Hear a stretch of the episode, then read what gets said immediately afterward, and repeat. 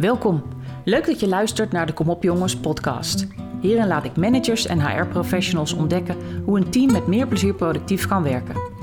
Van overvolle mailbox tot uitpuilende takenlijst, van uitstelgedrag tot jezelf een slag in de rond te werken, we gaan ermee aan de slag. Want het verschil tussen een goed team en een beter team zit hem in het slim omgaan met tijd, taken en energie. Niet harder werken, maar anders en slimmer werken. Kom op jongens is dan ook geen pleidooi om op te schieten of eens in beweging te komen. Ik wil je vooral inspireren om op een andere manier te kijken naar werkstijlen en werkgewoontes. Wat zou je anders kunnen doen? Welke praktische oplossingen zijn er om met meer plezier productief te werken? Alleen en als team.